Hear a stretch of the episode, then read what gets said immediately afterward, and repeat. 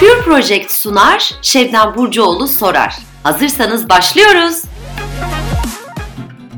Herkese selamlar. Bugün çok değerli bir konuğum var. Çok da sevdiğim bir arkadaşım. Akasya Asıl Türkmen. Oyuncu, yazar, dijital içerik üretici, birçok şapkası olan, e, on parmağında on marifet olan harika bir kadın. Hoş geldin Akasya. Hoş bulduk. Şak şak şak şak şak. Şakşaklar iyi oldu çünkü bugünkü konumuz ünlüsün ama mutlu musun? Bugün Akasya'yla ünlü olma durumunu konuşacağız. Çünkü bu e, dışarıdan böyle harika bir şey gibi gözüküyor ama bazen bir e, zehir haline gelebiliyor. Yaşayan ne hissediyor bunları çok merak ediyoruz. Akasya'da bütün soruları açık açık cevaplayan biri olduğu için bugün karşımdaki sandalyeyi onu oturttum. Ve diyorum ki şöhret ancak küçük dozlarda alındığında mı faydalı bir zehirdir?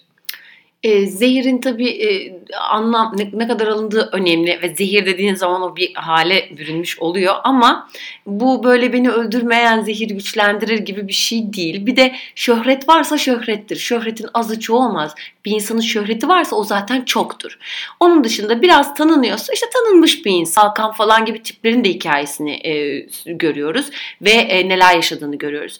Ün denilen şeyi de aslında tanımlamak lazım. Nedir ünlü? Ünlü çok kişi tarafından bilinen, e, imrenilen e, ve bir nevi arzu nesnesine e, dönüşen kişi. Ama ünlü doktor olduğu zaman zaten öyle olmuyorsun. Gıpta edilen, tanınmış e, ve saygıdeğer birisi oluyorsun. Ama işte dediğim gibi bir yarışmadan ünlendiysen onun altındaki ünlülük çok başka, süresi çok kısa, dolayısıyla yıkıcı bir şey.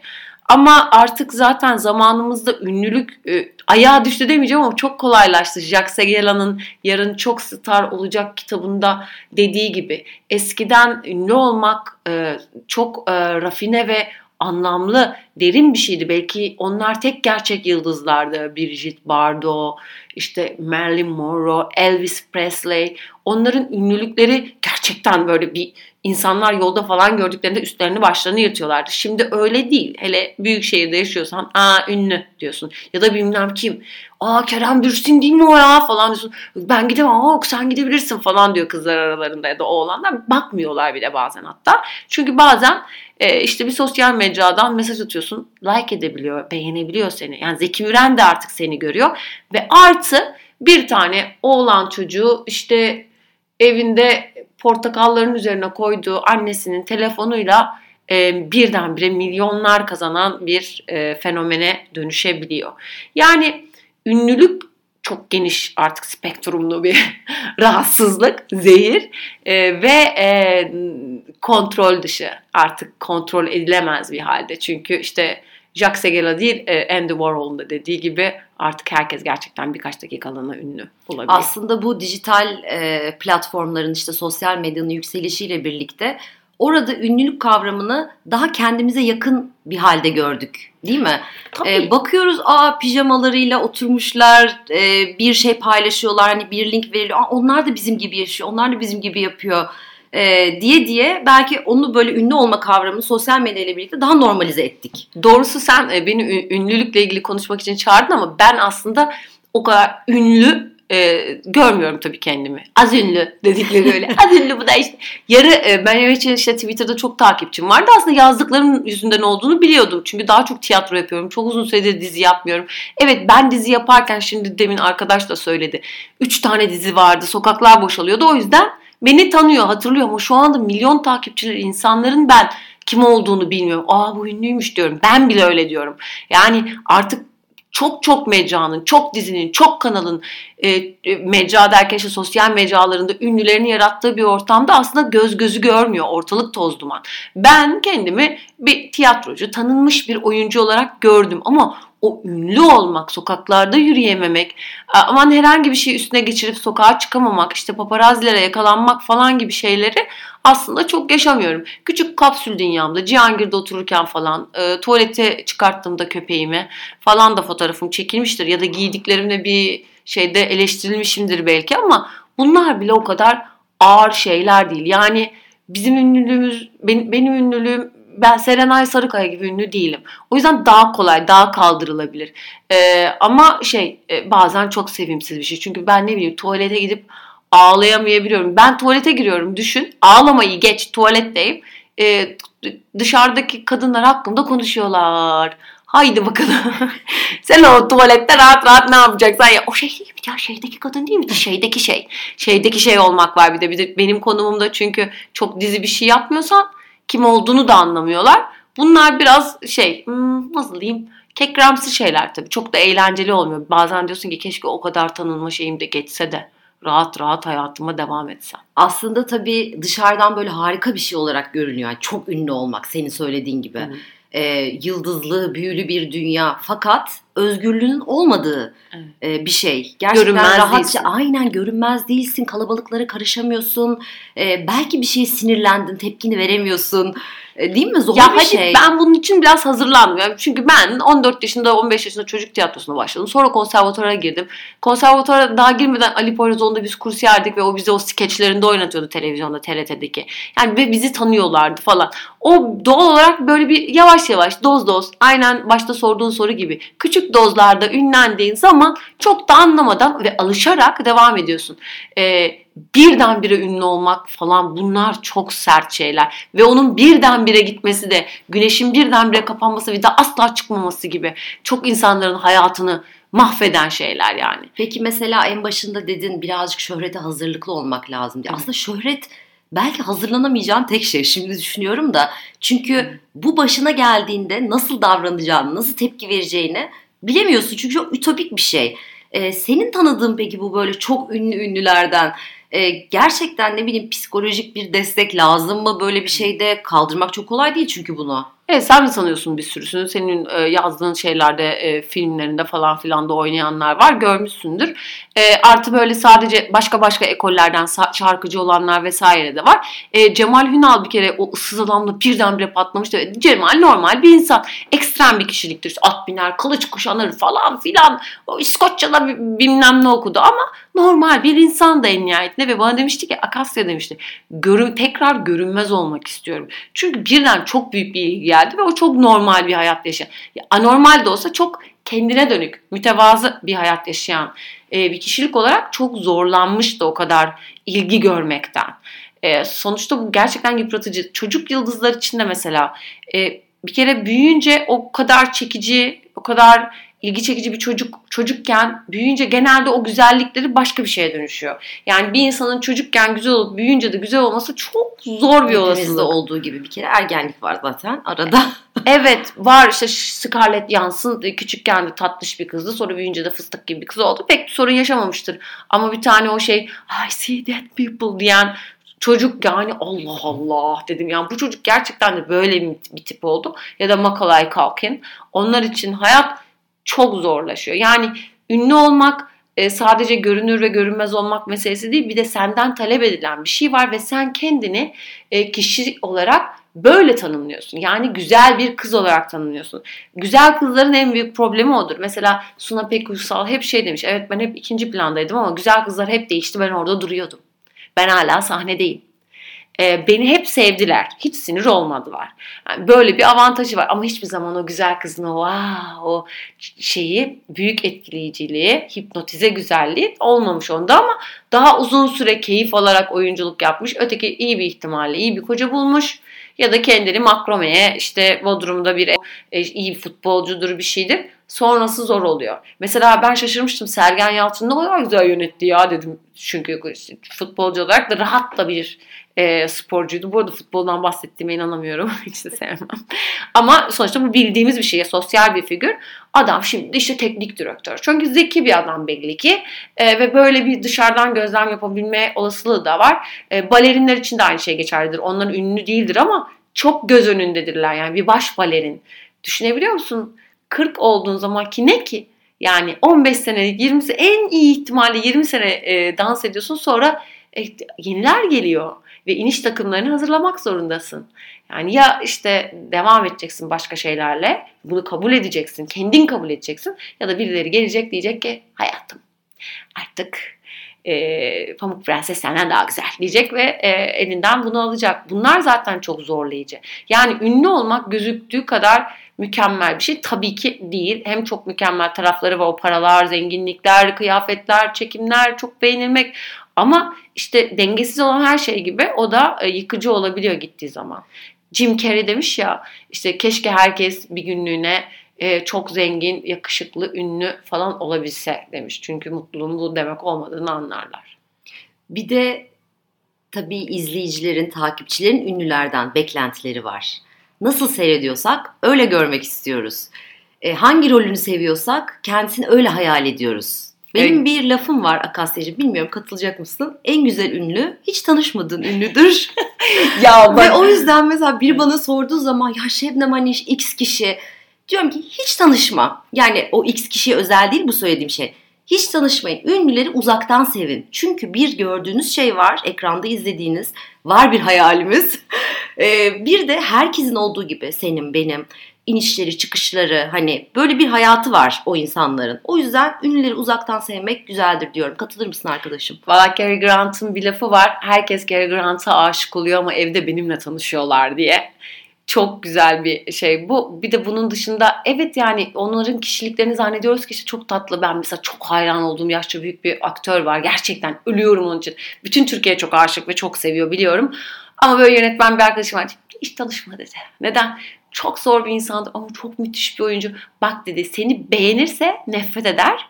Beğenmezse daha da nefret eder. Yani böyle ters bir adam çıktı. Kim olduğunu söylemeyeceğim tabii ki. Ama e, evet o karakterler bambaşka olabiliyor. Asla e, senin hayalindeki gibi olmayabiliyor. Bence o Cary Grant'ın dediği çok müthiş yani. Cary Grant'la tanışıyorlar ama evde benimle karşılaşıyorlar. yani o yüzden. E, peki bir de şöyle bir şey var. Çok ünlüsün ve bir gün senin söylediğin gibi kitleler peşinde deliriyor millet ve sonra aa yok kimse. Çılgınca bir şey bence bu korkunç e, ve çok da yetenekli olduğu halde aslında en iyisi galiba böyle bir durumdayken e, terapiyi hayatının bir parçası haline getirmek. Kimin hayatında kariyeri uzunsa dikkat ettim e, çok sağduyulu insanlar zaten ya da etraflarında çok iyi fikir alacakları insanlar var, akıl hocaları var ve terapi görüyorlar. 30 senelik bir kariyer öyle herhangi bir şekilde dalgalı bir şekilde gitmiyor. Genelde o büyük yıldızlar ve dalgalı yıldızlar feci şekilde infilak ediyorlar ve bitiyorlar. Yani çok güzel yandı, parladı ve çabuk söndü hikayesi yaşanıyor. Yani birisi belki Amy Winehouse'a destek olsaydı gerçekten e, gerçek anlamda sevgi gösterseydi ve onun e, iyileşmesi için bir şeyler yapsaydı, bir şeyler yapabilse, ona ulaşabilseydi böyle ölmezdi belki. Yani çoğunun yaşadığı şey bu.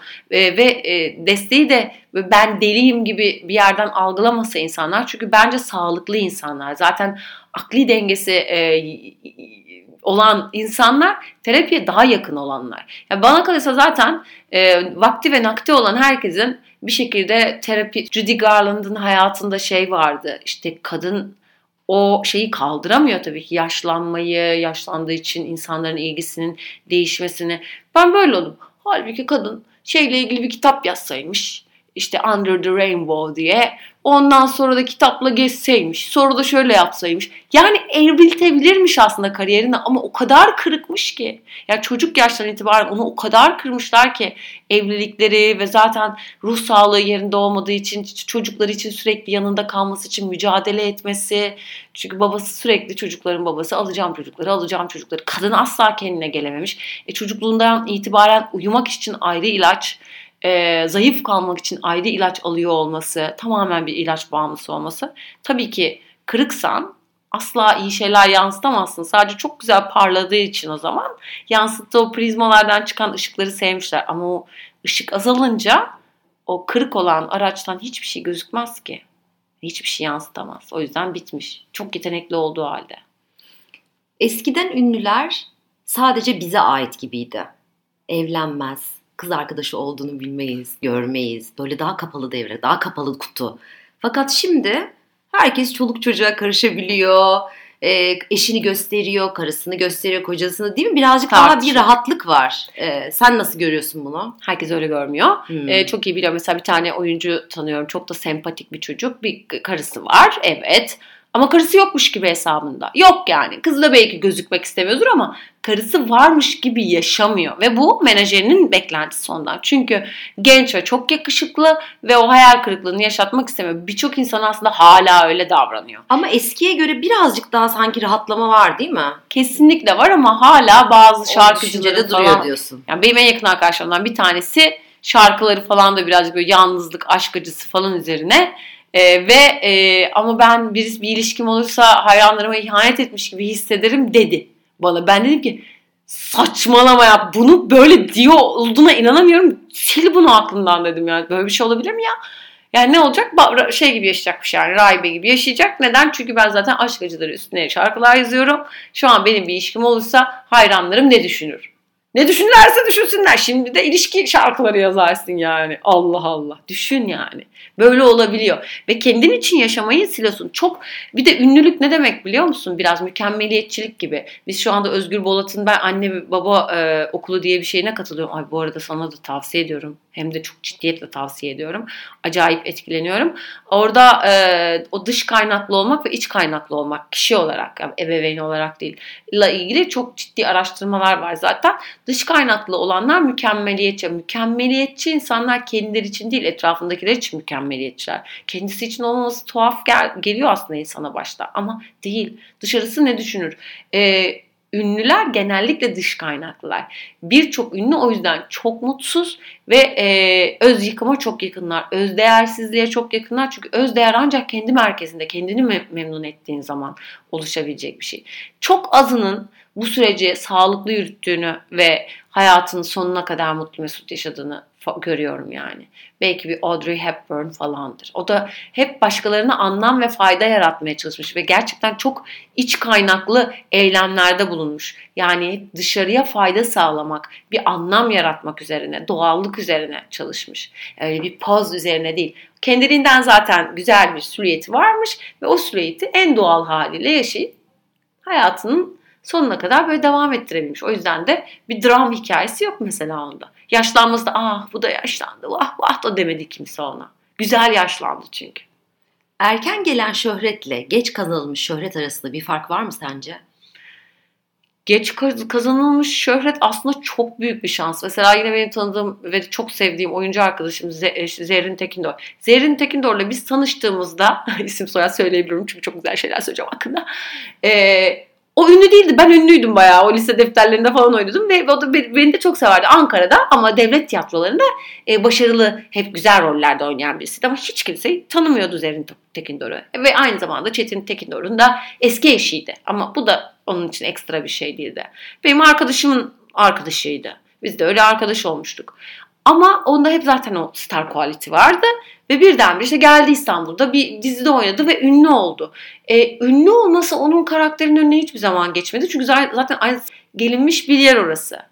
Orada artık o ün yani üstüne spot e, tut yani herhalde çıldırmadın e, iki kitabın birdenbire bu kadar şey olup popüler olup da ondan sonra filmleri falan filan çekilince insan bir kafayı yiyecekmiş gibi olur ama bir yandan da belki de hep hazırdım bunu. Bir de şey ne bileyim e, hem duygusal hem e, entelektüel olarak kendini geliştirmiş bir insan olduğun için sapıttığını görmüyorum ben gördüğüm kadarıyla. Sağlıklı gözüküyorsun. Hatta o dönem böyle biraz daha kendi kabuğuma çekildim ben. Yani daha biraz daha içime kapandım diyebilirim. O şey böyle hani e, her tarafta olma e, hissi bilmiyorum. Çok böyle benim hoşuma gitmedi. Ya yani kendimle kendi alanımı çizdiğim sürece daha mutluyum, daha iyiyim. O yüzden çok böyle duygusal dünyamda aşırı bir çalkantı yaratmadı. Genelde sağlıklı tepkiler bu biliyor musun Şebnemciğim? Ben e, böyle birdenbire ün gelen aklı başında diyeyim insanların hep böyle olduğuna şahit oldum. Hemen böyle kendi çemberlerinde bir şey çizerler. Mesela hemen evlen, evlenen arkadaşlarım var o süreçte. Yani şeyden dur bir koca bulayım ya da bir hanım bulayım da evleneyim değil de mevcut ilişkisini daha sağlıklı şekilde sürdürüp onunla böyle bir kapsül e, içinde hayat yaşamak isteyenler var. Genelde e, biraz e, kendini bilen aileden sevgisini almış, e, bütünlüğü yerinde olan, açlıkları çok olmayan insanlar e, kendilerini bir nevi korumaya alıyorlar. Onu fark ediyorum ve çünkü almaları gerekiyor bu arada. Çünkü o şey bir şey, e, sert bir şey. O kadar büyük bir ilgi sert bir şey. Yani işte severken öldürebilirler seni. Ee, şey filmi seyretmişsindir belki. İki tane versiyonu Superstar bir de e, de bir Fransız filmiydi. Adamın biri normal elinde torbasıyla ve metrodayken falan aniden insanlar onu hayran olup ünlü oluyor. Bir birden rüzgar tersine döner ya çünkü her şeyin opoziti diğer tarafta oluşur. Kuantum fizik resmen bu. Ee, ve birden Bir yerde kadının birisi kafasına bir şey atıyor ve herkes nefret etmeye başlıyor. Bu çok sevdiklerimizin çok başına gelen bir şeydir. Yani onları çok tanrısallaştırıp ondan sonra sen ne cüret be olur insanlar. Bu toplumsal bir araştırmanın sonucu bu arada. E, çok starını taşlamıştır. Hem Türkiye hem global. Bir de böyle bir manyaklık var yani. Ay delice evet. Peki şey ne diyorsun? Ünlü çocuğu olma. Ya Akasya'nın 5 çeyrek yaşında bir kızı var. Dünya tatlısı Pera. Hiç sana sordu mu? Anne sen ünlü müsün? Yok o bir bunları henüz anlamıyor ama benim var böyle tipler diye bir hesap var biliyor musun çok komik. İşte e, dedik ki benim Akasya ana kanalım var o zaman ya dedim benim için de bir tane skeç yazar mısınız? Bayağı reklam için kullanıyorlar bunu. Millet dünyanın parasını veriyor var böyle tipler skeç yapsın diye. O da benim kucağımda peri ama suratı işte var böyle tipler suratı anlatıyor ünlü çocuğu olmak diyor. Hayır bizimki de yeterince bir te- televole kıvamında bir ünlü değil ki diyor. Şöyle havamıza at- atalım diyor. Bak mesela Melisa yardırıyor diyor şeyin kızı için. Şey daha şey Masubaşı falan. E bizimki senin annenle yani kimdi bu şeydeki şey kıvamında kalıyor benim annem diyor. De ben bana geçirmişler yani. Şimdi bir de YouTube kanalı açmış falan diye. Oradan Akasya'nın tanıtımını yapıyor. Ama nasıl harcayarak. Bana şey diye gönderdi sana. Akasya'nın bunu gördünüz mü? Biliyorum ben yaptım falan. ne? Oluyorlar. E, halbuki şeyden e, negatiften nasıl yürüdüğünü hiç bilmiyorlar. Tabii böyle bir İngiliz şeyi ya o böyle espri anlayışı kara mizah, biraz. Aynen. Kara mizah bizde pek yok. Bizde kara mizah yapıyorsun vay efendim laf sokuyor derler. Neyse en nihayetinde Fera çok böyle ünlü çocuğu değil ama oyuncu çocuğu olmak zaten mesela enteresan bir şey. Sahneye çıkıyorum insanlar geliyor falan bunları e, biliyor. Oyuncu olduğumu biliyor, sahneye çıkıyor olduğumu biliyor e, ve etkileniyor. Tuhaf geliyor. Ama benim annem niye böyle diyeceği bir kıvamda değilim. Bunu soracağın kişi hiç ben değilim yani. Ne bileyim biz mesela Türkan Şoray'ın kızı vardı Yağmur. Hem annesi hem babası Can Ünal'la Türkan Şoray'ın kızı. Ya da bizim şey Erol Evgin'in oğlusun sen Murat. ya Murat.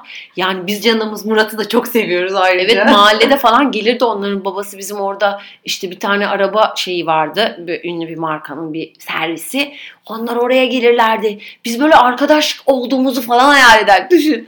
Çünkü Erol Evgin'in oğlu. Şimdi böyle ay canım benim Murat ya falan diyoruz. Yani tuhaf onlar da şey tanrılar ve tanrıların çocukları gibi gözüküyorlardı. Hele bizim zamanımız. Pera'nın yaş bandı çocuklarda ünlülük kavramı nasıl? Hiç dikkat ediyor musun? Kimi görüyorlar çok ünlü, kime hayranlar, kime bayılıyor. Beş çeyrek yaş yani. Bilmiyorum var mı öyle bir şeyler? Olmaz mı ya? Ne tarz po- şeyler? Pokemon. ya da Pokemon çok ünlü onlar için. Bir de Nasya diye bir kız var. Allah'ım ya o Nasya'yı başımıza kim saldıysa Tayland'a gidelim mi anne dedi geçen gün Tayland'a. Ben daha gitmedim. Çünkü Nasya Tayland'a gitmiş babasıyla ya da bir doğum günü yapıyorlar. Bilmem kaç katlı bir şey bilmem neli bilmem ne. Yani hem onlara özeniyor hem onları seviyor. Nasya ile tanışmak istiyor. Ben de izah ettim. Aşkım dedim Nasya e, Rus üstüne Amerika'da yaşıyor. Yani hem aynı dili konuşmuyorsunuz hem de aranızda çok mesafe var. Çok bozuldu. Ben Nasya ile tanışmak istiyorum ama dedi. Ee, o yüzden tabletten çocuklarınızı uzak Herkesin hayalinde bir ünlü var. Yaş gözetmek için yani, özetle. Evet, o çok büyük. Yani zaten o çizgi film kahramanları falan filan onlar zaten onların kahramanları ve ünlüleri. Artı işte bu şeyler çocuk youtuberlar falan çıldırısıya ve gençlerde ve ergenlerde de yine ve onlar kapıları çal alışveriş merkezlerinin kapılarını indiriyorlar. Yani işte bir Enes Batur artık büyüdü delikanlı abi oldu ama o çocuk ya Ferdi ben şarkısını ezberliyorum ya. Şu an dışarıda harika bir kar yağıyor. Kuzguncuk'tayız. Akasya'cığım buralara kadar geldiği için çok teşekkür ediyorum. Ne kadar keyifli bir sohbetti. Evet ya. Her zamanki gibi. Canım benim çok teşekkür ederim. Ama gördüğün gibi konuşacak şey bulamama gibi bir problemimiz yok. çok güzeldi canım. Sen, senle her zaman her şey çok zevkli. Çok teşekkürler yayınıma katıldığın için. En kısa zamanda tekrar sizlerle beraber olmak dileğiyle diyorum.